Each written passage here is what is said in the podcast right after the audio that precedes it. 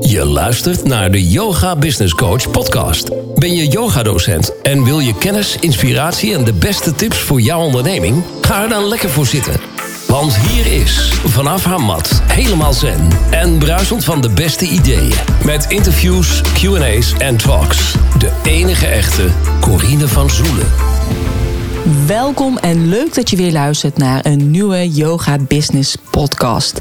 Met vandaag Lisa van Gerwen in deze uitzending. En Lisa is de oprichter van Stichting Via Lisa. Ze is als tweejarig meisje uit Bangladesh geadopteerd door een Nederlands gezin en groeide op in het Limburgse Baarlo. Nou, ik ken Lisa vanuit de HAO in Arnhem, waar we samen in 1991 begonnen zijn, maar het allebei niet afgemaakt hebben. En op dit moment woont zij in Dhaka in Bangladesh en uh, heeft ze dus haar stichting opgericht Via Lisa. Ze zit daar sinds februari 2004. En ze is een beetje de schakel tussen het Nederlands bestuur en de uitvoerende werkzaamheden in Bangladesh. Nou, nu ruim 15 jaar later staat er echt een organisatie met diverse programma's.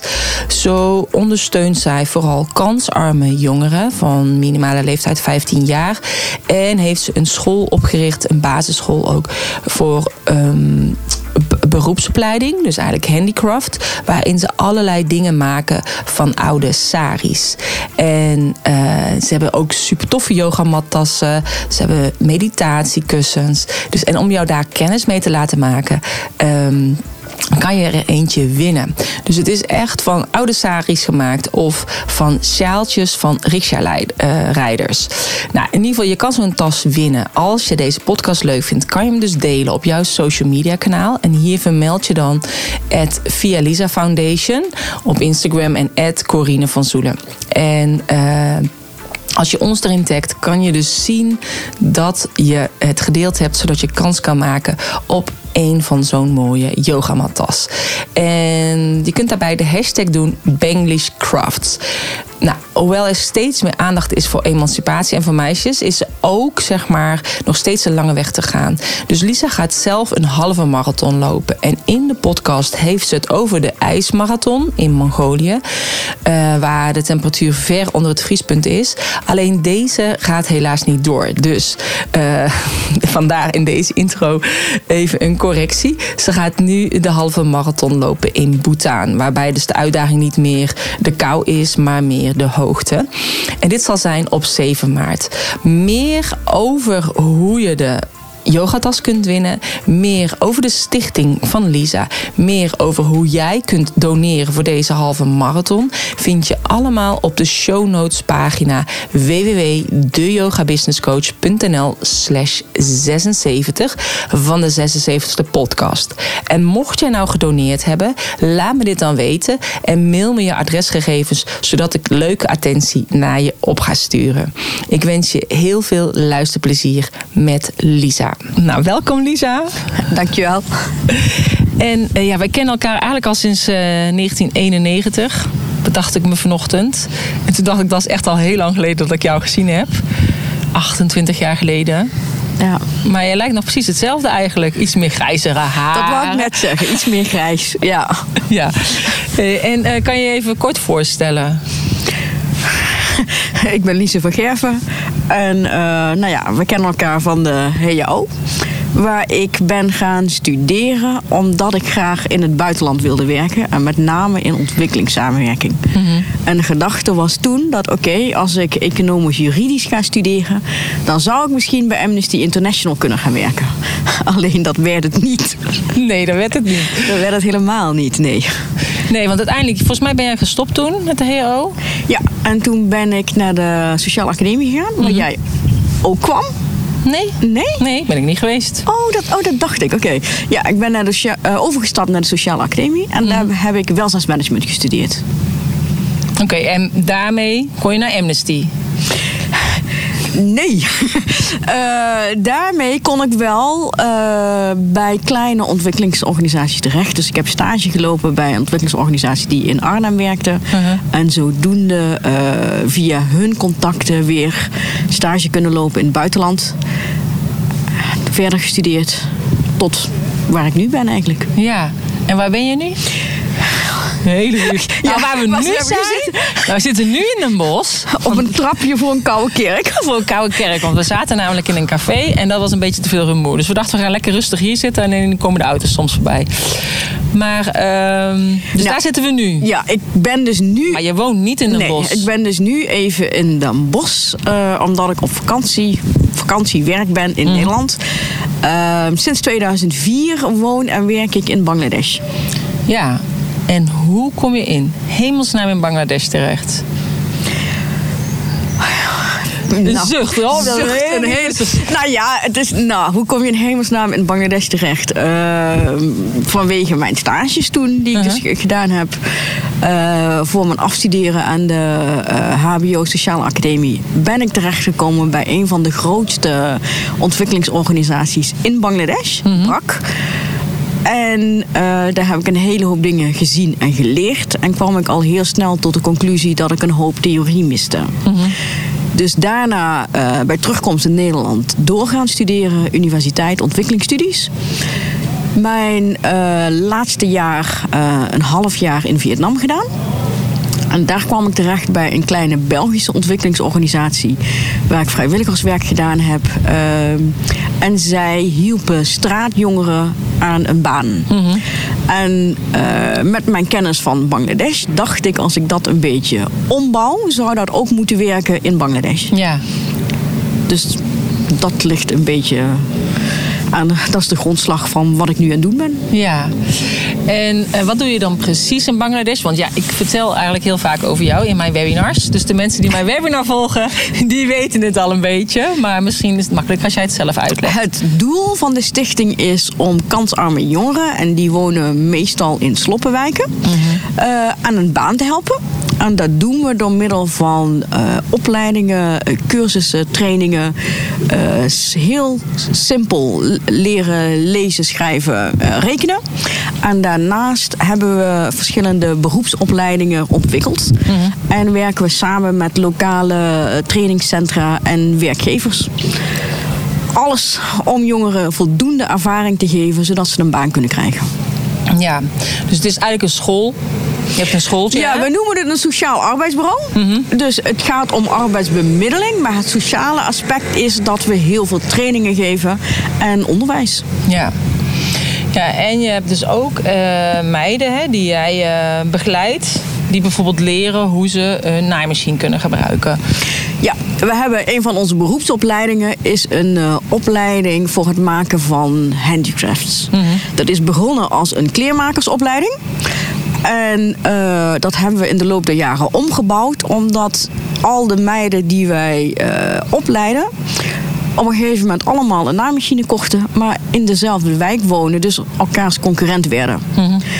En eh, de traditionele, traditionele kleding in Bangladesh bestaat uit of een sari, dat is 6 meter stof. En het enige wat je daarbij hoeft te doen is een rokje maken en een topje. Of een shawakami, en dat is een broek met een soort tuniek eroverheen. En veel verder gaat het niet voor eh, vrouwen. Dus hoeft ze eigenlijk ook niet echt iets te naaien. Zoals we Ehm, bijvoorbeeld vroeger. Nee, klopt, niet zo heel veel. mijn moeder zat ook achter de naaimachine en die maakte echt alles. Broeken, Klopt. blouses. Ja, hier dus niet zo. Maar waardoor je dus ook eh, niet voldoende salaris krijgt. Mhm. Want om dat te verkopen, die kleding in de sloppenwijk, de mensen hebben geen geld. Nee. Dus ze willen alles heel goedkoop. Waardoor je dus eigenlijk niet voldoende verdient. Eh, Dat was de reden om het project of om het programma om te bouwen. En nu maken we de spullen die we exporteren naar het buitenland. Ja, ja en ehm, ja, ik heb natuurlijk een keertje ook eh, eh, Lisa in mijn eh, podcast gehad. Zij maakte ook allemaal hele mooie spullen, ook over de hele wereld. En dan maakte, maken jouw meisjes van, die, meisjes van die pins voor, voor aan de manden en aan de kleden en zo. Je hebt het over Lisa van Rode. Ja. ja. Zij maakt de spullen niet. Nee, zij laat die eh, maken. ja, maken. zij zoekt eh, producenten die op een verantwoorde wijze spullen maken. Ja. Voornamelijk eh, accessoires voor in je huis. Ja, en, en daar zit overal eigenlijk zo'n mooi cirkeltje, een pin aan. En die wordt door jouw meiden gemaakt. Ja, ik ken Lisa van de tijd dat zij in Bangladesh werkte voor een eh, grote textielproducent. En toen zij dus dit merk begon, is ze bij me teruggekomen van... Hey, wat, ik vind jouw project leuk, hoe kunnen we elkaar eh, eh, helpen? Ja. En eh, toen zijn we begonnen met voor haar die, eh, haar logo-pin eigenlijk te Ja. maken. Ja. Ja, wel heel leuk. Toen ik haar heb gesproken, hebben we het ook nog over jou gehad. Dus, ehm, dus dat is wat je eigenlijk maakt. Maar je maakt nog heel veel meer dingen, toch? Nou, dat is een klein stukje wat we maken. Ja. Ehm, eh, het is niet wat we maken. We maken inderdaad een hele hoop andere dingen. We maken een paar kleine productjes voor de lokale markt. Eh, en we maken een hoop dingen voor de buitenlandse markt. Ja. En dat is onder andere een ja, yogalijn. Ja. Yogamatassen, meditatiekussens, ehm vlaggetjeslijn, kussenslopen, keukenskorten. We maken van alles. Ja. ja, en ik heb ze gezien. Ze zien er echt heel mooi uit. Want ook de yogamatte tas is en hij is nog gevoerd aan de binnenkant. Hij is waterafstotend. Er zit zelfs een zakje in aan de binnenkant met een ritsje voor je telefoon en je geld in te stoppen. Eh, hele stevige band waar je hem ook mee kunt dragen. En, en ja, die meiden leren dus inderdaad hoe ze goed een naaimachine kunnen gebruiken. En Ja, je steunt die, eh, eigenlijk meteen jouw stichting via Lisa. De yogamat eh, tas is tot stand gekomen eh, met behulp van mensen die yoga doen. We hebben een testje gemaakt. Zij zijn daar een maand mee rond gaan lopen om te kijken hoe, wat bevalt er, wat bevalt er niet. Dus we hebben een aantal aanpassingen gedaan. Onder andere dat tasje Ja. erin, het, het zakje, het eh, ritsje, eh, de gesp. eh, gewoon om het praktisch te maken. Ja. Ehm, zo, al onze producten, we testen het in Bangladesh. Dus de buitenlanders die daar werken, valt het in de smaak, geef advies, wat kunnen we anders doen. En dat nemen we mee. En Ja. dat, eh, zo leren de jongeren dingen te maken. Nee, het ziet er echt heel goed uit. Echt eh, kwalitatief.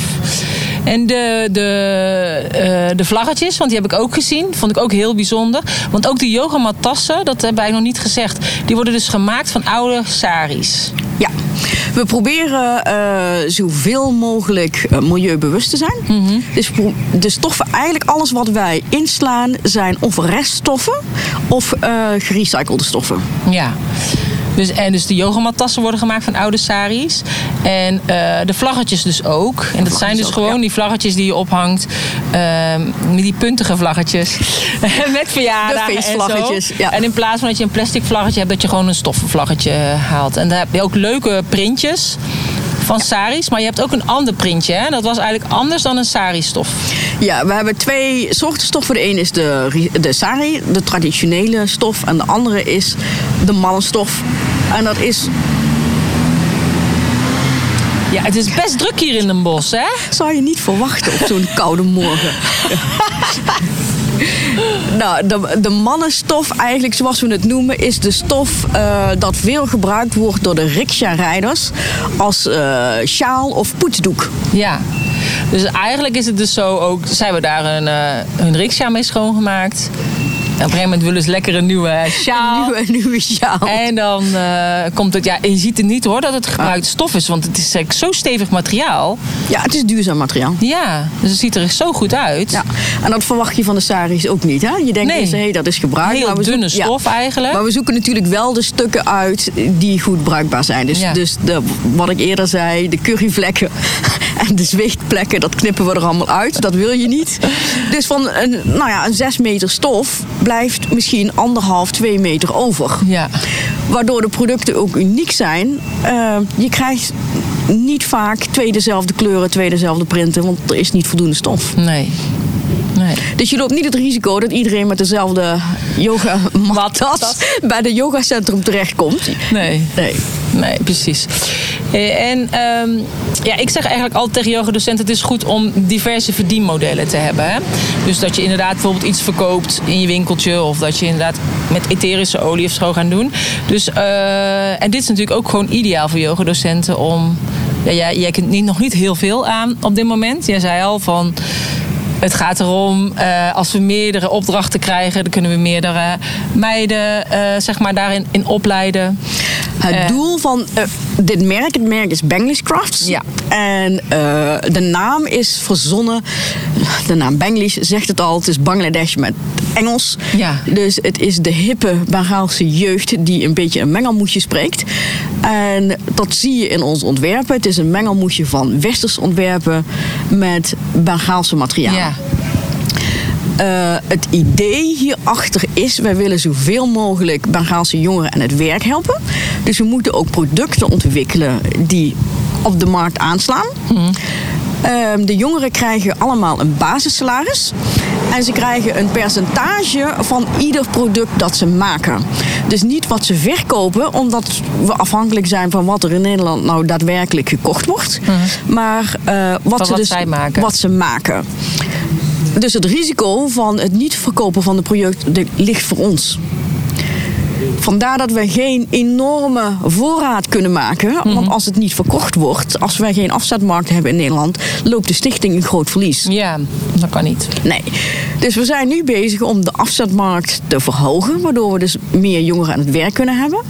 Eh, waardoor zij dus ook meer salaris verdienen. Dat is het systeem wat we hebben. Ja. Ja, en jij zei ook, het is best ingewikkeld ook om zo'n mat te maken. Hè? Want het duurt ongeveer een half jaar voordat ze begrijpen hoe ze een tas moeten maken. Ja, je moet je voorstellen dat de jongeren eh, in de beginnen niet eens kunnen lezen en schrijven. Dus dat moet eerst aangeleerd worden. Getallen, eh, meten, het verschil tussen centimeter, inch. Hoe hou je überhaupt een meetlintje vast? Eh, ritsen, knopen, gespen, recht naaien, cirkeltje naaien. Wat is, wat is een cirkel? Dus Ja. alle, de vormen, kleuren, alles moet aangeleerd worden. Dus dat is een heel proces. Ja, Maar wanneer ze het eenmaal kunnen, dan is het gewoon een kwestie van routine. ja. Ja, mooi.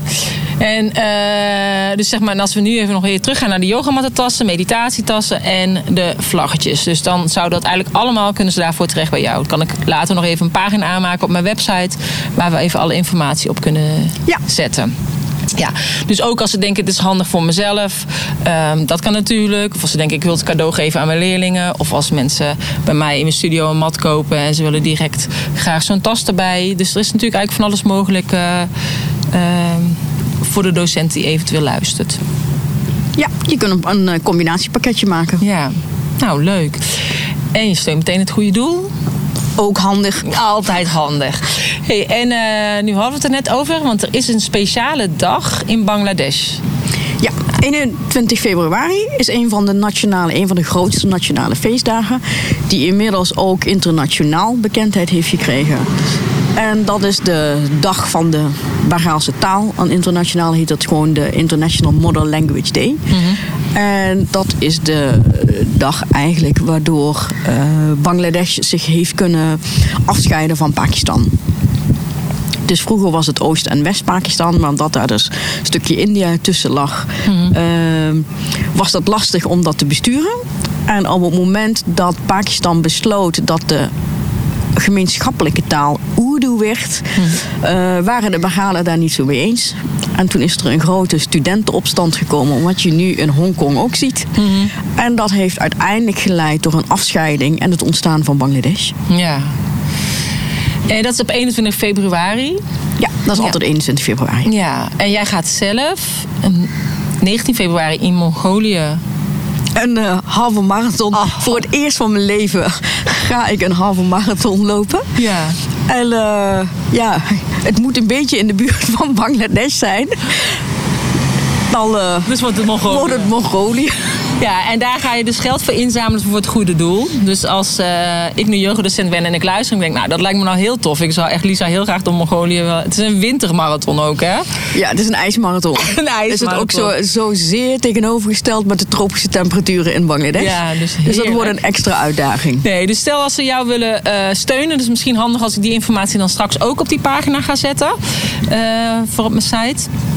En eh, dus daarin kunnen ze jou dus steunen in de marathon. Maar misschien ook leuk als je denkt, ik vind het zo'n zo'n heel mooi project wat Lisa doet. Dus ik wil iets gaan organiseren op 21 februari in mijn studio. En de opbrengst daarvan delen aan jou. Dat zou natuurlijk ook echt te gek zijn. Dat zou geweldig zijn Ja. als dat zou, eh, gecombineerd zou kunnen worden. Ja, nou, hartstikke mooi. Dus daar, eh, daar komen we nog op terug. Kom ik ook nog later op terug, gewoon op mijn social media kanalen. En ehm, is er nog iets dat jij denkt, oh, dat zou ik nog heel graag willen zeggen? Dat is Corine helemaal vergeten. Nou, nee, volgens mij niet. Nee? Nee. Is er nog iets wat jij heel dringend zou willen vragen? Ja, wat je nou, denkt, als jij nou, eh, zelf een yogamat zou zijn, dan vraag ik altijd, hoe zie je er dan uit? Als ik een yogamat Ja. zou zijn. Ja, Een yogamat. Eh, geen mand hè? Een Nee, mat. ja, een mat. Ja, nou, dan een zou ik heel comfortabel en zacht zijn, denk ik. Ik zou, ik zou een leuk printje willen hebben. Uh-huh. Want ik hou wel van kleurtjes. En eh, ja, anti-zweet, comfortabel en zacht. Oké. En je denkt gewoon anti-zweet omdat het zo warm is. Ja, Ja. Nee, maar ja yoga, als je... Ik, hè, als je, ik ken de vragen als je een dier zou zijn, wat, hè, welke Ja. kleur. Maar als je een yogamat zou zijn. Ja, ik dacht, ik, ik eh, vind het altijd leuk om een beetje te eindigen met een grappige vraag. Dus ik vraag dit eigenlijk aan iedereen die ik interview. Nou ja, zo'n matje zou ik willen zijn. Nou, oké. Nou, dat is mooi. Dus- En een lang matje. Een lang matje. Een lang matje. Ja, en waarom? Nou ja, met mijn 1,50 zou ik best een lang, comfortabel matje willen zijn. Ja, maar het is misschien ook lastig, hè? Want dan word je dan, als je hem dan oprolt, wordt het een dikker matje. En dan past het misschien weer niet in elke tas. Dus een, maak je, dan is het makkelijke van dit. Je maakt gewoon een nieuw tasje. een grotere tas. Ja. Je maakt een groot. Alles is handgemaakt, dus dat kun je aanpassen. Ja, allemaal met custom made. Ja. Dus eh, nee, nou hartstikke bedankt voor je gesprek. Hier eh, op de stoep voor de kerk. We zitten in de Franciscuskerk. Ik weet eigenlijk niet precies waar we zitten, maar we waren een beetje het café eh, ontvlucht. Nou, ik vond het leuk om jou te zien. Ja. 28 jaar. Ja, hè? vond ik ook Ja. heel, erg leuk. En ik had niet het idee dat ik zo lang was. Ik bedoel, jij wil een lang matje zijn. Maar ik dacht, jeetje, of ik ben gegroeid... of Lisa is gekrompen in eh, Bangladesh. Dat kan ook nog. Ja, misschien is- ben ik een beetje gesmolten door al die hitte. Ja, dat zou het kunnen zijn. Nee, ik weet ook niet. Maar in ieder geval, dankjewel. En een hele goede reis weer terug naar eh, Bangladesh. Ja, dankjewel. Ja, dat was Lisa. En ik vond het echt een schat. En het is ook zo leuk om haar even weer te zien na zo'n lange tijd. Want ik heb haar natuurlijk alleen maar... Ik kende ik haar van de HAO. En daarna heb ik haar heel lang niet meer gezien. En het was zo leuk om haar even weer te ontmoeten. En om samen op dat stoepje te zitten in Den Bosch. Dus... ehm, wat het belangrijkste dus is, is check even de podcast eh, de show notes pagina www.deyogabusinesscoach.nl slash 76 van de 76ste podcast. Hier vind je alle informatie over de stichting, de websites van vialisa.com en benglishcrafts.com. En eh, kan je dus kijken hoe zo'n yogamattas eruit ziet die je kan winnen. Wat je precies moet doen. Dus at via Lisa Foundation en at Corine van Zoelen. En hashtag Benglishcraft. En eh, het belangrijkste is nog dat stel als je wil graag doneren en je hebt dat gedaan, ook dat kan je vinden op deze show notes pagina. En laat me dan weten, mail je adresgegevens en ik stuur je een leuke attentie toe. Nou, mocht je het een leuke podcast vinden, mocht je eh, Lisa willen steunen, deel dan ook vooral deze podcast, eh, zodat nog meer mensen weten van haar stichting. Dankjewel voor het luisteren en tot een volgende keer. Namaste.